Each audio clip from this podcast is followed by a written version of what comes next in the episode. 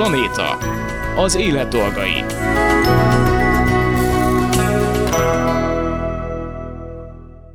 Jó napot kívánok, Laj Viktoriát hallják. A mai adásban is két témánk lesz. Az első részben egy olyan vegyészmérnök hölgyel beszélgetek, aki gyógyszeripari kihívásokra keres megoldásokat biológiai eredetű gyógyszerek gyártás technológiájának a fejlesztésével. Ezek a készítmények kulcs szerepet játszanak a modern gyógyszeres terápiákban, főleg a rákos, gyulladásos és vírusos megbetegedések kezelésében alkalmazzák őket, előállításuk bonyolult és körülményes eljárásokat igényel.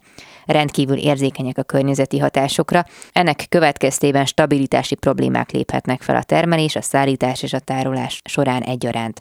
Az új technológiák segítségével, amelyeken Hirsedit dolgozik, nyomon követhetővé válik a hatóanyaggyártás és a készítmények minőségének folyamatos ellenőrzése, kutatásainak eredménye a jövőben pedig elősegítheti, hogy a költséges terápiák olcsóbban és könnyebben több beteghez is eljuthassanak. Ez az ő ügye. Ezzel kezdjük a, a, az órát. Kuris Anita kutyaviselkedés terapeutával folytatjuk, és ezúttal a sétálásnak a, a témaköréről beszélgetünk. Tartsanak velünk! Az ügy. Szeptember elején adták át a L'Oréal UNESCO a nőkért és a tudományért idei magyarországi díjait, és hát ennek az egyik díjazottja Hirs Edith lett, a Budapesti Műszaki és Gazdaságtudományi Egyetem Fire Pharma kutatócsoport tudományos munkatársa, akit sok szeretettel köszöntök a vonalban, és gratulálok ehhez az elismeréshez. Jó napot kívánok! Jó napot kívánok, nagyon szépen köszönöm! Itt a beszélgetés előtt említette, hogy a Fire Pharma kutatócsoportnak a, a munkatársa, és hát lényegében azzal szerettem volna indítani, hogy felolvasom, hogy miért is kapta ezt a díjat, de hogy itt tulajdonképpen gyógyszeripari kihívásokra keresnek megoldásokat, mint ahogy ezt a farma szó sejteti is, de hogy egy picit a, a névről beszélhetnénk, hogy Fire Pharma kutatócsoport, ez, ez, ez hogy alakult igazából? Miért, miért pont ezt a nevet használják? A kutatócsoportunknak igen széles a tématerülete, és azért alakult így ez a név, mivel polmerek gyártás technológiájának fejlesztésével, égésgátlásával is foglalkozunk, illetve gyógyszeripari fejlesztésekkel is. Uh-huh. A gyógyszeripari fejlesztéseken belül például kismolekulás hatóanyagok, vagy hát gyógyszerek előállításával, itt például kell olyan, olyanra kell gondolni, hogy folyamatos technológiák kifejlesztésével, digitalizációval, szabályozás fejlesztéssel is foglalkozunk. Én viszont a kutatásaim során a biológia eredetű gyógyszerek gyártás technológiájának fejlesztésével foglalkozom. Ez tulajdonképpen gyakorlatilag mit jelent? Tehát hogyan kell elképzelnünk azt, amit ön nap mint nap csinál bent? Um, igazából a kutatásaink során nem arra kell gondolni, hogy egy új hatóanyagot fejlesztünk ki, hanem azzal foglalkozunk, hogy hogyan lehet a biológia hatóanyagokat és a gyógyszerkészítményeket nagyobb mennyiségben, hatékonyan, gazdaságosan és biztonságosan előállítani. A biológiai gyógyszerek ugye azért fontosak, mert nagyon hatékony és célzott terápiák kifejlesztésére nyílik lehetőség, illetve olyan betegségek kezelése valósítható meg velük, amire korábban nem volt kezelés. Itt azt írják, hogy ezek nagyon érzékenyek a környezeti hatásokra, és hogy ennek következtében stabilitási problémák léphetnek fel a termelés, szállítás és tárolás során egy, alá, egy aránt. Milyen környezeti hatásokra lehet itt gondolni, mondjuk azt, hogy hogyan tárolják őket, vagy milyen, nem tudom, hőmérséklet van, tehát hogy ez mit jelent? A biológiai készítmények rendszerint nagy molekulatömegű és komplex szerkezetű hatóanyagot tartalmaznak, ezért ők nagyon érzékenyek a környezeti hatásokra. Például arra kell gondolni, hogy a magas hőmérsékletre, a pH változásra, vagy akár rákódásra is érzékenyek lehetnek. És például az egyik projektünk során olyan technológiák kifejlesztésével foglalkoztunk, amivel lehetséges a biológiai hatóanyagok stabilitásának növelése, és így akár szobahőmérsékleten történő tárolás is elérhető. Uh-huh. Ugye ez azért fontos, mert hogyha a koronavírus elleni vakcinákra gondolunk, akkor az is mutatta, hogy a biológiai hatanyok nagyon érzékenyek voltak a környezeti paraméterre, hogy mínusz 80 fokon kellett uh-huh. őket tárolni ahhoz, hogy megőrizzék a stabilitásukat. És gondolom az, hogyha, tehát hogyha nem kellett volna ilyen ö, körülmények között tárolni, akkor feltételezhetően mondjuk az költséghatékony is lenne, hogyha egyszerűbb volna a tárolás a bizonyos gyógyszereknek? Hát igen, azért egy mínusz 80 fokon történő szállítás, azt mindenki hmm. tudja képzelni, hogy egy nagyon költséges folyamat, hogy ezt a mínusz 80 fokot mind a, a szállítás és a tárolás során végig tudjuk biztosítani, és hogyha csak hűtve kell tárolni egy ilyen készítményt, vagy szobahőmérsékleten lehet tárolni, szállítani, az nagyban csökkenti a költségeket. Mm, hogyan került egyébként erre a vonalra? Jól tudom, akkor vegyészmérnökként végzett, hogy ez, ez egy olyan, hát nem, nem, nem tudom, tehát amikor az ember jelentkezik egy bizonyos területre, akkor gondolom nem feltétlenül tudja, hogy hova fogja vinni az élet később. Önnél például hogyan alakult a tudományos pálya? Igazából már a korai tanulmányaim alatt érdekelt a matematika és a kémia. Több kiváló tanárom volt, akik bevezettek a reáltudományok rejtelmeibe, majd ezért is jelentkeztem a Budapesti Műszaki és Gazdaságtudományi Egyetem vegyészmérnök és biomérnöki karán a vegyészmérnöki képzésre, és a tanulmányaim során hallottam a gyógyszeripari fejlesztésekről, illetve a biotechnológiának a legújabb vívmányairól, és ezért a doktori mm, képzést már ezen kutatási területen kezdtem el. Ilyenkor, amikor, tehát hogy hall mondjuk egy bizonyos lehetőségről, vagy tudja, hogy ebbe az irányba érdemes lehet elmenni, akkor itt igazából a lehetőségek, vagy az, hogy felkeltse az érdeklődését, hogy kihívásokat lásson benne, az a fontos, vagy esetleg az az aspektusa is, hogy mégiscsak valamivel hozzájárulhat hathat így a, az életünk minőségéhez, vagy a tudományhoz, vagy hát a gyógyszergyártáshoz, hogy, hogy ebben tevékenykedik? Számomra igazából a kutatásban mind a kettő fontos, tehát fontos az is, hogy hogy olyan fejlesztéseket vigyünk véghez, ami közvetlenül alkalmazható a gyógyszeriparban, és ezáltal a társadalomi hasznosulás is megvalósulhat, illetve az is, azt is nagyon fontosnak tartom, hogy a saját kíváncsiságomat hmm. felkeltse, hiszen a mindennapi kutatásban a kíváncsiság, a nyitottság, az új dolgok felfedezésére és megértésére, ez fog tovább vinni a mindennapokban. Igen, a kíváncsiság az egyik, a másik meg, amivel rendelkeznie kell egy kutatónak, a másik meg gondolom az, hogy, hogy türelmes legyen. Nem tudom, hogy az önök kutatásai során az, az jellemző-e, hogy sokkal később van eredménye annak, amit csinálnak, tehát akár több év is telik el egy adott kutatásban, amíg azt tudják mondani, hogy igen, ennek volt kézzel fogható eredménye. Sokszor igen változó, hogy mikor van eredménye egy-egy kutatásnak, valamikor három hónap, valamikor egy év, és természetesen ez idő alatt rengeteg problémával találkozik a kutató, hm. szóval kitartásnak mindenképpen szükséges ahhoz, hogy, hogy az ember előre jusson és, és eredményeket tudjon produkálni, illetve hát a problémákhoz sok kreativitás és hmm. probléma megoldó képességre van még szükség. Hát meg gondolom egy olyan közeg, ami mondjuk tud építkezni ugye egymásból is, meg mondjuk az építő kritikákból is. Tehát, hogyha van egy alakadás, akkor én úgy feltételezem, hogy a kutatócsoport az együtt próbálja megoldani a, a, a, a problémát, illetve a választ megtalálni a kérdésre, és akkor az alapján menni tovább. Tehát, hogy ez egy elég masszív csapatmunka, gondolom. Igen, mindenképpen, tehát a kutatás soha nem egy személytől függ, és a kutatócsoportom támogatása elengedhetetlen volt ezeknek a eredményeknek az eléréséhez, és ahogy beszéltük az elején, ez egy igen interdisziplinális kutatócsoport, hmm. így a más tudományterületekről megszerzett tudás és tapasztalattal mindig tudták segíteni az én munkámat is. Uh-huh. Egyébként nőként sokan vannak ezen a, ezen a területen?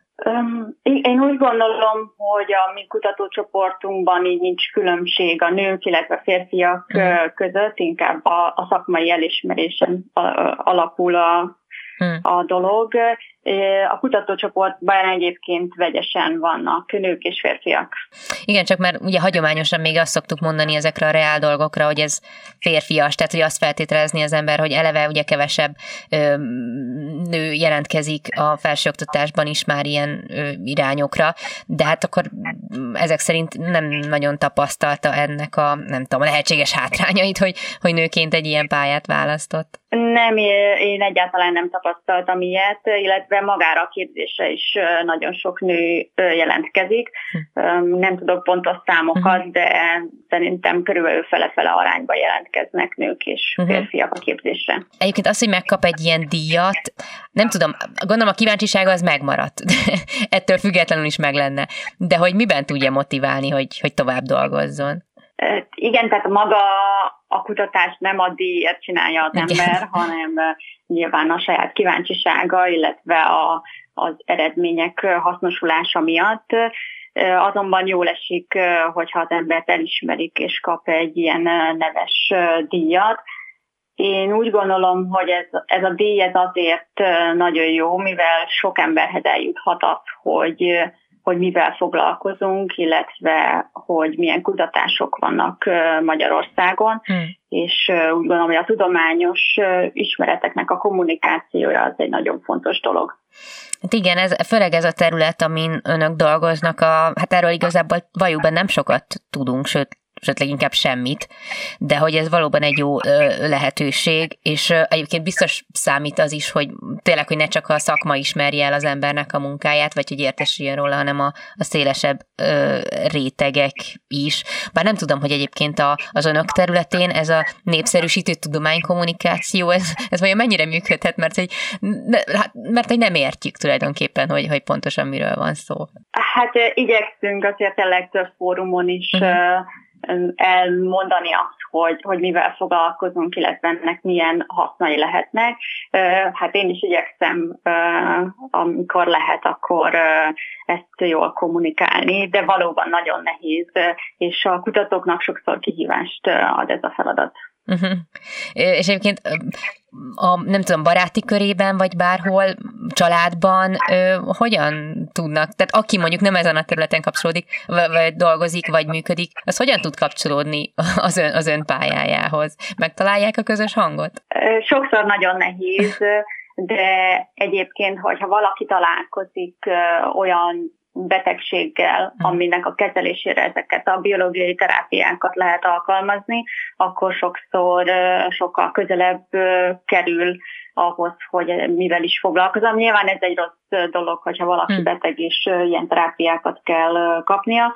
Hát igen, de, de legalább több dolgot meg tudnak erről a területről. Az mindig azért komfort érzést nyújt az embernek, hogyha olyas valakivel beszélgethet, akár egy rossz időszakban is, aki valamilyen szinten ért, vagy hogy kapcsolódik ahhoz a dologhoz, és ezzel nyilván talál egy kis megnyugvást. És Igen, mo- meg hát a koronavírus járvány kapcsán nagyon sokszor kérdeztek a családtagjaim, uh-huh. barátaim, hogy mondjam el a véleményemet, vagy próbáljam nekik elmagyarázni, hogy mi szó, miről is szól ez az egész, és akkor mindig igyekeztem nekik megfelelő információt adni. Uh-huh. Most egyébként mivel foglalkozik? Igazából ez egy folyamatos fejlesztés, Aha és igyekszünk olyan mm, kutatásokat végezni, hogy a biológiai hatanyagok előállítását, tisztítását, illetve a gyógyszerkészítmények kifejlesztését minél hatékonyabban, gazdaságosabban és biztonságosabban lehessen véghez vinni. A kutatásaink során többek között fehérje típusú hatóanyagokkal foglalkozunk, az egyik ilyen hatóanyag a monokláris antitestek. Ugye az antitestek az immunrendszer molekulái, amik felismerik a szervezet számára idegen anyagokat, azonban laboratóriumban előállítva alkalmazhatók terápiás célra. Az antitestek úgy szerepet játszanak a modern gyógyszeres terápiákban, kiemelt jelentőséggel bírnak a rákos, fertőző és immunológiai megbetegedések kezelésében. Ilyen például a sokakat érintő reuma vagy krónbetegség, ahol súlyos esetekben nagyon hatékony terápiát nyújthatnak ezek a hatóanyagok. A kutatásaink során azzal foglalkozunk, hogy a biológiai hatanyagok előállítását, tisztítását, illetve a gyógyszerkészítmények kifejlesztését innovatív technológiai megoldások segítségével valósítsuk meg. És ezekkel a technológiai fejlesztésekkel lehetővé válik a hatóanyag gyártás hatékony megvalósítása, Például a gyártási paraméterek nyomon követésével és szabályozásával lehetőség van a biológiai készítmények minőségének folyamatos biztosítására. Ezek a fejlesztések nagy mértékben növelik a hatóanyag gyártásnak a biztonságosságát, és csökkentik a költségeket, például azzal, hogy kevesebb selej kerül előállításra. Amikor belefognak egy ilyen projektbe, mondjuk akkor beszélünk, nem tudom, a reumáról, aminek kell egy biológiai ö, ö, gyó, eredetű gyógyszer, és az ő gyártás technológiáról járól beszélünk, akkor ilyenkor maga a hatóanyag már az önök rendelkezésére áll, vagy akkor ezt egy gyógyszergyártól szerzik be, vagy igazából tehát hogyan ö, kerülnek kapcsolatba ezzel a hatóanyaggal, és azt hogyan tudják ezután hát kutatni, vagy az innovatív megoldásokkal fejleszteni? Tehát amiket mi fejlesztünk technológiákat, általában olyan megoldásokat igyekszünk kifejleszteni, amik nem egy-egy hatóanyag előállítására uh-huh. alkalmasak, hanem többféle hatóanyag esetén is alkalmazható, hiszen az a jó technológia, amit több helyen is lehet alkalmazni, és több helyen ki lehet élvezni az előnyeit.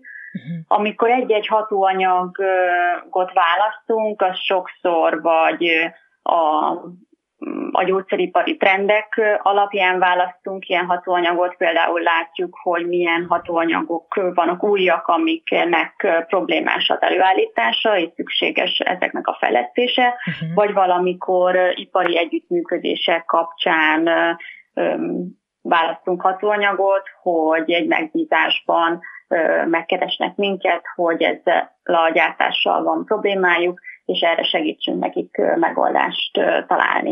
Nem tudom, esetleg egy példát meg tudunk nézni erre a gyártás technológiára, hogy mi lehet, tehát hogy hogyan lehet ezeket jobban előállítani, vagy amin önök dolgoznak? Tehát ezeket a, az antitesteket például bioreaktorban állítjuk elő, Aha. ahol szabályoznunk kell nagyon sokféle paramétert, például a pH-t, a hőmérsékletet, az oldott oxigén szintet, és ezeknek a, a szabályzása, illetve monitorozása ez már megoldott az iparban, uh-huh. azonban az, hogy milyen tápanyagokat vigyünk be a, a bioreaktorban, ezt egy napi mintavételezés alapján határozzák meg, uh-huh. és majd ezután egy adag tápanyagot bejutatnak a, a bioreaktorba. Azonban mi olyan technológiák kifejlesztésén dolgozunk, hogy a tápanyagok koncentrációját is lehessen valós időben meghatározni és követni, így lehet rá egy olyan szabály, automatikus szabályzást kiépíteni, hogy ne kelljen manuálisan beavatkozni, Aha. és mindig biztosíthatók legyenek ezek a tápanyag koncentrációk a, a reaktorban. Aha. Itt egyébként a mesterséges intelligencia az mindennapi használatban van önöknél, vagy arra nem tudnak támaszkodni annyira? De igen, nálunk is nagyon sok fejlesztés van, ahol mesterséges intelligencia alapú adatelemzéseket végzünk, hiszen ezek a gyógyszeripari folyamatok során sok szenzort lehet integrálni a rendszerbe, tehát mindenféle paramétert tudunk mérni valós időben, viszont ez nagyon sok adatot fog generálni, aminek mhm. a kiértékeléséhez a mesterséges intelligenciát is szoktuk alkalmazni, és így olyan összefüggésekre kaphatunk választ, vagy olyan folyamatokat tudunk megérteni, amire hagyományos módszerekkel nincs lehetőség. Uh-huh. Gondolom, akkor ez is egy nagyon, hogy mondjam, ilyen gyorsan fejlődő terület, ahol önök dolgoznak, tehát gondolom, hogy azért a technológiai újítások azok azok masszívan megjelennek a, a kutatások során.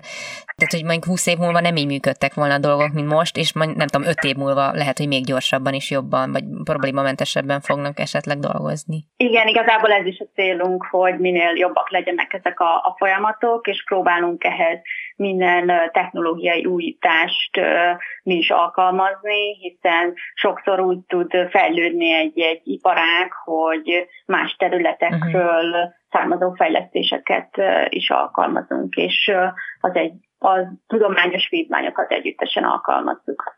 Hát akkor ez jó munkát kívánok, és akkor ö, nagyon szépen köszönöm a, a beszélgetést Hirs Editnek, a BME Fire Pharma kutatócsoport tudományos munkatársának. Köszönöm szépen. Én is köszönöm. Planéta. Az élet dolgai.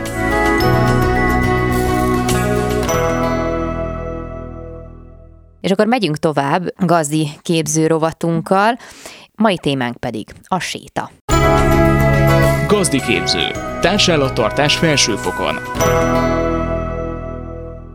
Ismét köszöntöm Kuris Anita, etológus viselkedésterapeutát a stúdióban. Szervusz! Szia Viki, köszönöm a meghívást. Az én fejemben a sétálás az kétféleképpen műk- létezik, pórázon és anélkül, uh-huh. de hogy a kutyák abszolút máshogy, tökéletesen máshogy viselkednek nálam pórázon és anélkül, uh-huh. teljes, sokkal nyugodtabbak, relaxáltabbak és hogy mondjam, közvetlenebbek, hogyha nincs rajtuk az, uh-huh. a, az a meghosszabbított kar. A séta, ugye ez egy, egy ilyen gyűjtő fogalom, uh-huh és ott az ember maga, elő, maga elé képzeli a pórázon húz a kutya, és megyek a körúton, és közben nem tudom, én szól a zene a fülembe életképet, tehát ez is egy séta. Én azt nevezem sétának, ami a, ez egy ilyen összefoglaló név arra, hogy a kutyával közös tevékenység szabad levegőn, tehát azért az fontos, hogy szabad levegőn, okay. és talán az is fontos, hogy nem a kertbe otthon. Tehát az, hogy, hogy én megyek A-ból B-be, és én azt gondolom, hogy mivel egy terít territoriális fajról beszélünk, aki ugye eredendően szereti, ha a lába alatt megy a talaj, akkor én azt mindenképpen egy ilyen oldó, szinte terápiás jellegű tevékenységnek gondolom, amikor a kutyámmal én közösen megyek valahova. Most persze ez már finom hangolás, hogy én most lobogok a póráz után, vagy ő rohan elő póráz nélkül, ezek természetesen részletkérdések, de hogy maga az, hogy van-e a kutyának arra módja, hogy mi A-ból B-be menjünk, és akkor akkor milyen jó, hogy ez nem ilyen egyszerű, mert hogyha minden nap a Pitypang utca 10-től a Pitypang utca 20-ig megyünk csak, akkor az egy nagyon beszűkült és nagyon inger szegény életmód. Tehát, hogy képzeljük úgy a kutyázást, és a kutyázáson belül a sétát, mint előbb említett élettevékenység szabadtéren, képzeljük egy picit úgy, mint egy érettségire készülést, hogy ott nem lesz elég, hogy figyú, megvettem a matek könyvet, berakom a párnám alá, tehát megy a matek. Nem. Tehát nekem ott ugye a négy év anyagát legalább öt tárgyból meg kell tanulnom. Ezt most a párhuzamot úgy értsd, hogy nem lesz elég, ha csak elmegyek mindig ugyanazon az útvonalon 10 percet, hogy a kutya piséljen, ez kevés lesz. Az is kevés lesz, hogyha csak hétvégén viszem az erdőbe sétálni. Tehát, hogy el kell kezdjek részleteibe kidolgozni a tételeket minden témakörben. Tehát, hogy érzed az érettségére kész, legalábbis nem tudom, én rengeteget tanultam, tehát, hogy, hm. hogy nagyon nagy a mozaikja annak a öt tárgy, négy év anyaga, Atya Úristen. Tehát ezt most a kutyárnál úgy gondolom, hogy vedd észre azokat a finom hangolásokat, azokat az elakadásokat, lásd ugye pórázon hülye, hát nem, hát nem értem, hát elviszem sétálni, és mégis ugat a pórázon. Értem én, mert ott oké, okay, hogy matekból már tudunk deriválni, de mondjuk magyarból elakadtunk Petőfinél, tehát hogy tovább kéne haladni. A póráz egy ilyen vicces dolog, egyrészt hál' Istennek a kutya nem pórázzal születik, tehát mindenképpen tanul landó helyzet, hogy uh-huh. pórázon vagyok. De azon túl, hogy a tanulást azt úgy értem, hogy nem a lábhoz vezényszót kell nagyon sokat ismételni, és majd a kutya fejébe beszáll.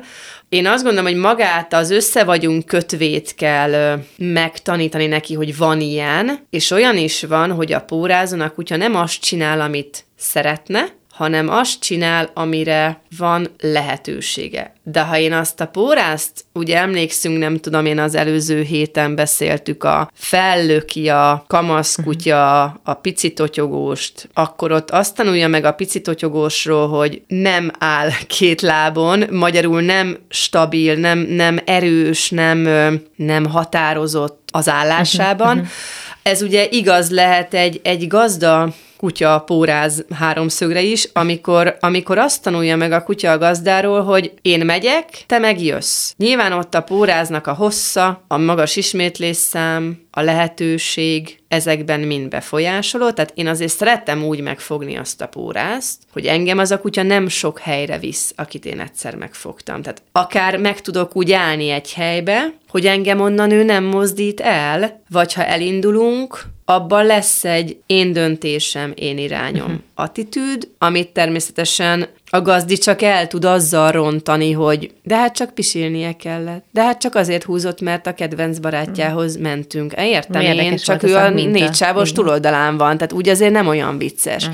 Tehát, hogy, hogy itt azért ismerjük föl, hogy ha póráz egy ilyen, mindenféleképpen van a póráznak egy viselkedés módosító szerepe. Egyrészt, ha jól használom, akkor adhat egy nincs dolgod helyzetet, de adhat egy fenyegetettségérzést, mert kiszolgáltatottá válok, hogy én pórázom vagyok, nem tudok odébb menni, de ugye mhm. odaengedték hozzám a, a bármilyen kiskutyát, odaengedték hozzám, ettől nyilván a kutyám nem fogja magát jól érezni, hogy van egy kötött, térben megkötött helyzete, ő nem biztos, hogy akarna az, az érkező kutyával interakcióba keveredni, nem akar vele összeszagolni, és amúgy is hagyják őt békén. És ettől lehet a póráznak egy ilyen kiszolgáltatottságot erősítő, tehát egy reaktívabb helyzetbe kerülhet a kutya, pont emiatt a sarokba szorítottság érzés miatt. Tehát ugye a pórázt azért jól használni nem könnyű. Egyrészt ez egy egy etika olyan szempontból, hogy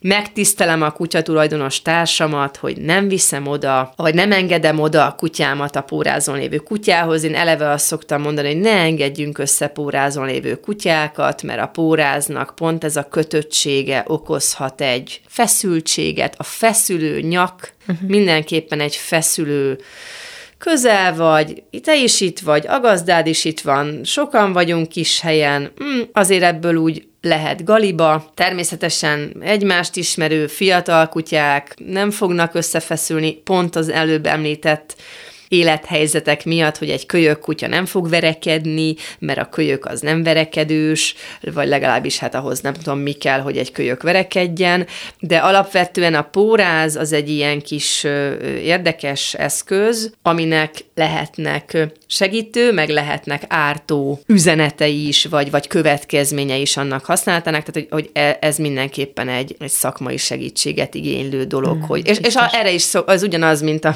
múltkori csontos példánk, hogy az, egy, az a kapcsolatunknak egy mércéje, hogy tudok a kutyámmal nyugodtan pórázon sétálni. Természetesen a rohan egy macska, azért azok, tehát soha nem a, a karácsonyi nagy zabálás adja az én hétköznapi étrendemet, hanem a rohanó macska, az azért úgy érezzük, hogy az minden kutyának egy trigger, de nem a rohanó macskánál kell az a pórázon menni, uh-huh. hanem úgy egyébként a hétköznapokban tudjon a kutya úgy is menni, hogy mi most egy szinte egy, egy burokban, ó, azt szoktam mondani, ilyen buborék helyzet, hogy, hogy szinte egy buborék buborékban ő, megyünk, csak mellesleg össze vagyunk kötve. Hm. És ugye ez minél hosszabb a póráz, annál jobban szét lehet esni. Uh-huh. Ugye, hiszen ha minél jobban a kutya ki van engedve elém, annál nagyobb a fenyegetettség érzés. Ugye nem a kisdobos tolom a, a csatán az orkok elé, mert akkor szegény kisdobos nyilván nem érzi magát jól, hanem neki ugye ott kéne lennie a sorfalban, vagy legalább. Most azt, hogy mögötte, ezt, ezt hagyjuk, hogy a kutya elől megy, vagy mögöttem megy, mert a kutya ott megy, ahol hagyom, hogy menjen. Ugye, hát azt én döntöttem el, hogy az a kutya előttem van,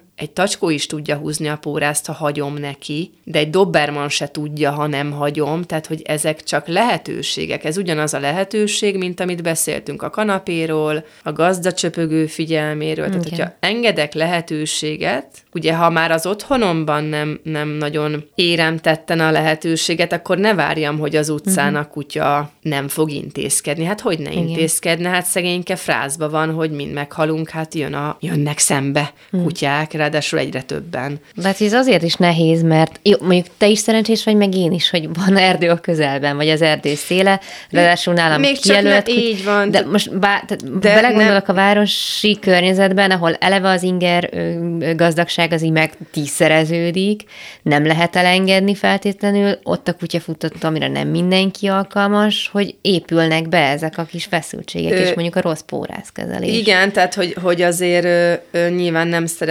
szeretném tehát, hogy ne, ne, ne tekintsük kioldásnak, hogy az én kutyám azért viselkedik rosszul, vagy azért nem érzi jól magát, mert városban él. Tehát azt gondolom, uh-huh. hogy lehet úgy, ez olyan, azt azért szoktam ilyen humán példákat hozni, mert azok egészen jól megértetik.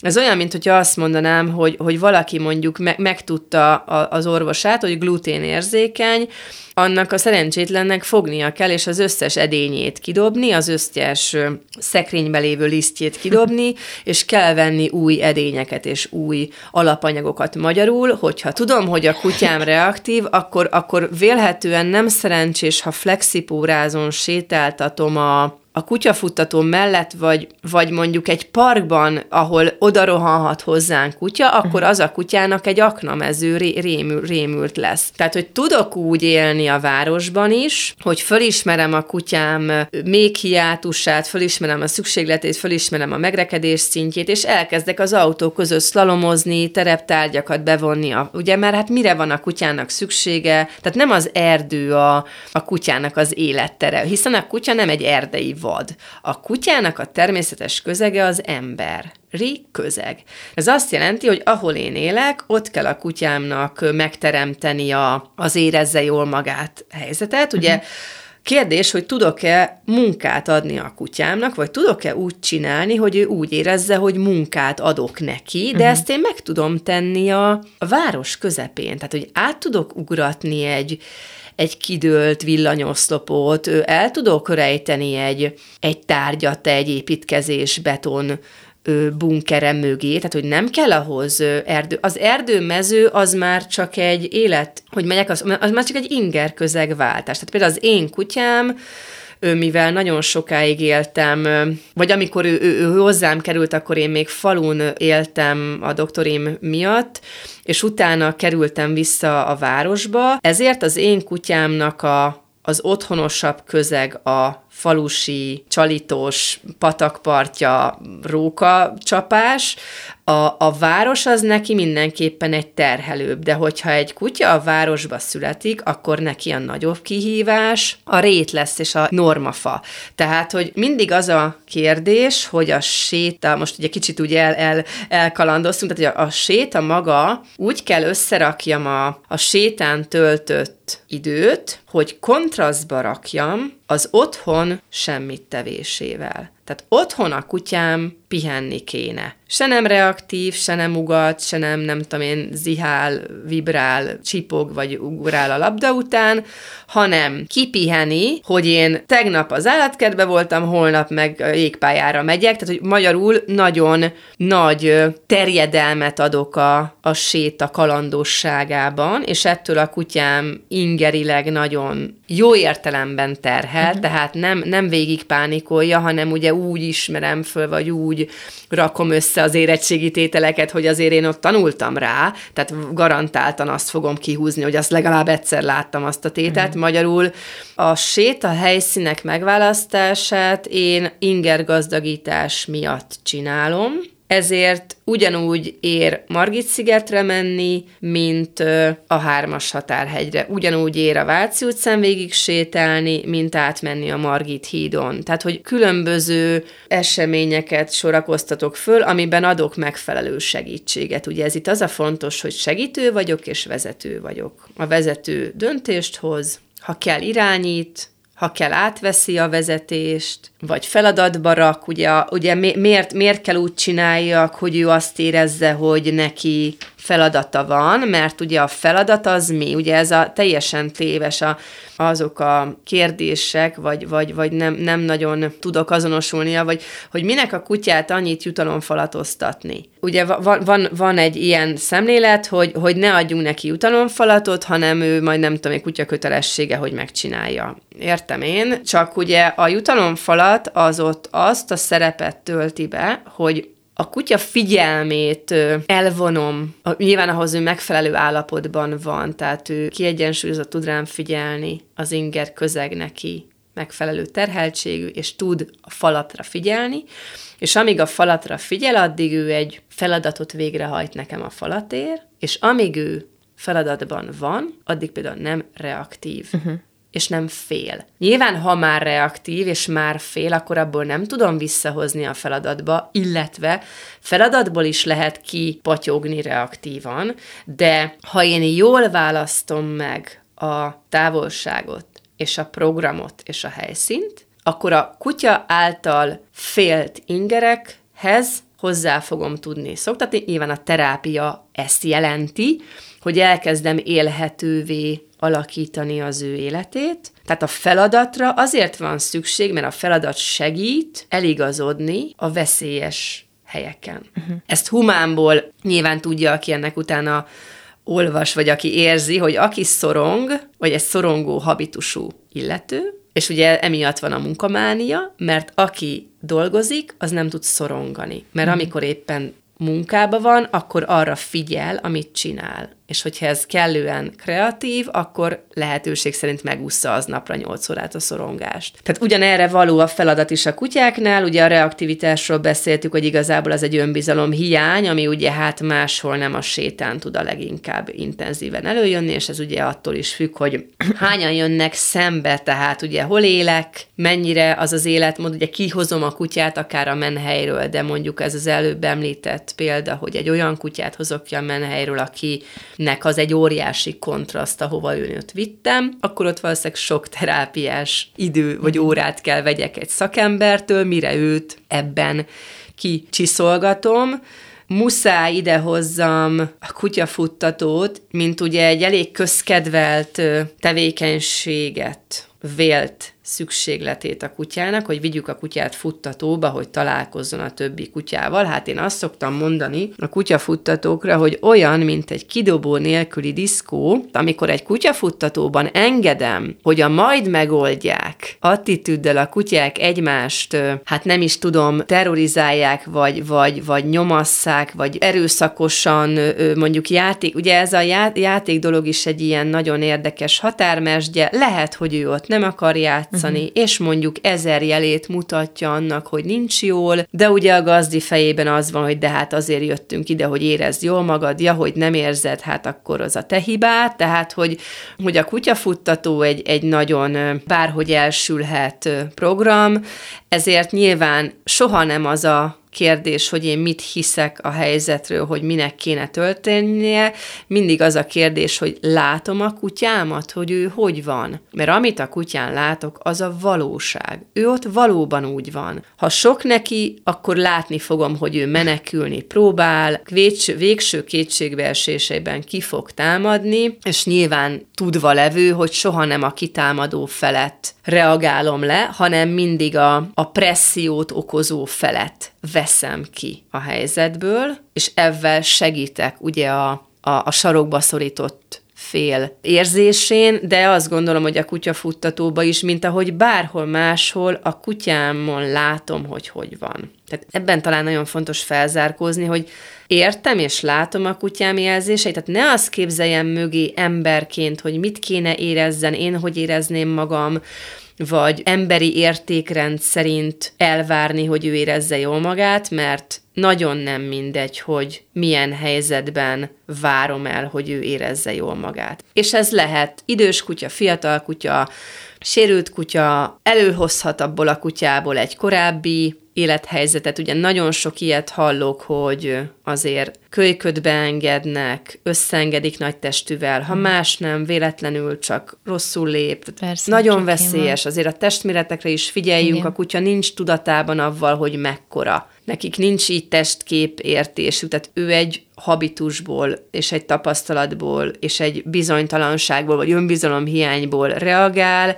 az elsülhet bárhogy.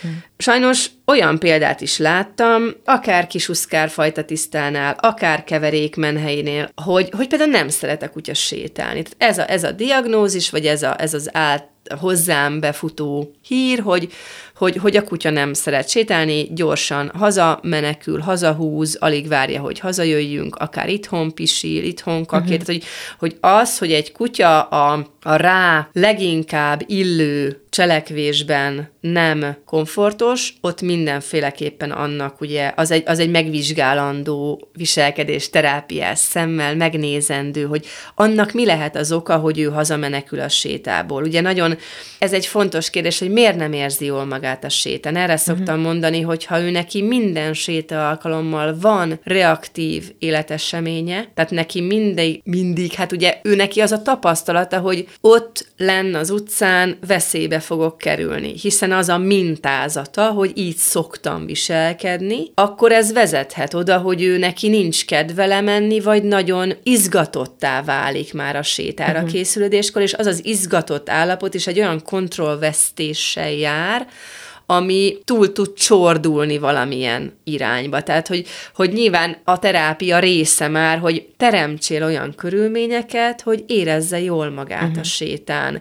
Ugye nagyon klasszikus jelenség, most is láttam valamelyik nap egy ausztrál juhász volt, azt hiszem, hogy, hogy, hogy megállt, hogy séta közben megállt az, út, az úton, az is egy na- nagyon klasszikus, vagy nagyon gyakori jelenség, hogy, hogy a kutya megáll, mondjuk így az út közepén megáll, vagy leül, és akkor ilyenkor ugye a gazdi elkezdi hivogatni, csalogatni falattal, és akkor a kutya nem, nem jön. Tehát, hogy ez ugye, ez a látkép, ez egy érzelemmentes megfigyelés, ez egy megfigyelés, hogy a kutya megáll, leül, uh-huh.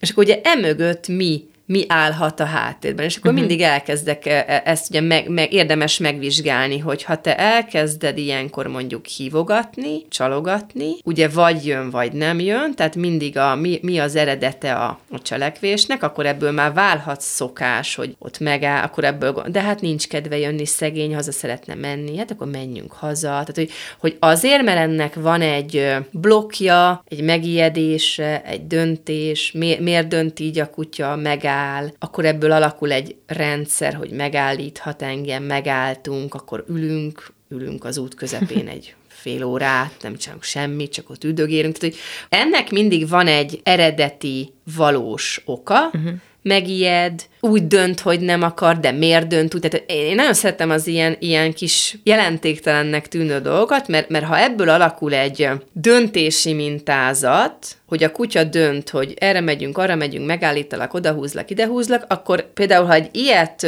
kioldok, és nyilván ezen keresztül csomó más ilyen apróságot máshogy csinálunk, akkor megváltozik a kutya-gazda kapcsolat. Érdemes ilyen, ilyen apró nüansznyi dolgokba bele látni. Nem akar a kutya valamit csinálni, a mögött mindig van valami elakadás. Segítsünk azon, hogy ilyenek ne legyenek, és akkor megszűnnek ezek a, ezek a kényszerek, vagy ezek az elakadások. Nagyon-nagyon izgi amúgy, nagyon szeretem. Csak tudod, hogy mennyire reális az, hogy bárki kutya, mondjuk, hogy a kutyafutatónak akár a, nem tudom, 10%-a észrevegye, hogy valami nincs ő, vagy bármelyik hétköznapi gazdának, akár nekem, olvasni azokból elég, a ha leteszed a telefont, elég, ha, elég ha, ha azért mész ki a kutyafuttatóba, hogy a kutyáddal legyél, és nem azért, hogy megbeszéld a, a, a legújabb receptet a, a szomszéddal, tehát hogy azt gondolom, hogy ha elkezdesz a kutyáddal lenni, és elkezded látni, ahhoz, hogy a kutyád jelen legyen, ahhoz előbb neked kell jelen lenni, mert ha te jelen vagy, akkor látod őt. Ha látod őt, érted őt, és ha érted, tudsz segíteni. Igen, látok olyat, hogy valaki mondjuk fut a kutyájával, fut a kutyájával, és közben mondjuk hallgat zenét. Uh-huh, Oké, okay. de ez már ugyanaz, amiről beszéltünk, hogy ez már a végeredménye a kapcsolatnak, hogy mi most annyira, hogy a kutya most annyira nincs dolgába van, hogy ő csak fut, én meghallgatom Mozartot, lehet. Uh-huh. De valószínűleg nem úgy kezdte, hogy az öt hónapos kutyával Mozartot hallgatott, még a kutya zajlott az erdőben, hanem úgy kezdte, hogy valós jelenlét, valós figyelem, értés, és abból most már ott tartanak, hogy hátradőlők, én futok, te meg, te is fusz, csak külön mozit nézünk, tehát hogy, hogy a, akkor tudnak külön mozit nézni, ha meg, hogyha tudod a kutyádról, hogy képes egyedül nézni uh-huh. egy másik filmet, de ez nem itt kezdődik, ez azért hosszú évek. Legyünk jelen. igen, igen. Hát nagyon-nagyon szépen, szépen köszönöm Kuris Anita, etológus viselkedésterapeuta, nagyon Köszönöm szépen volt. a lehetőséget, szépen. én is köszönöm. Köszönöm a figyelmüket, Laj Viktoriát hallották viszont hallásra. Planéta Az élet dolgai.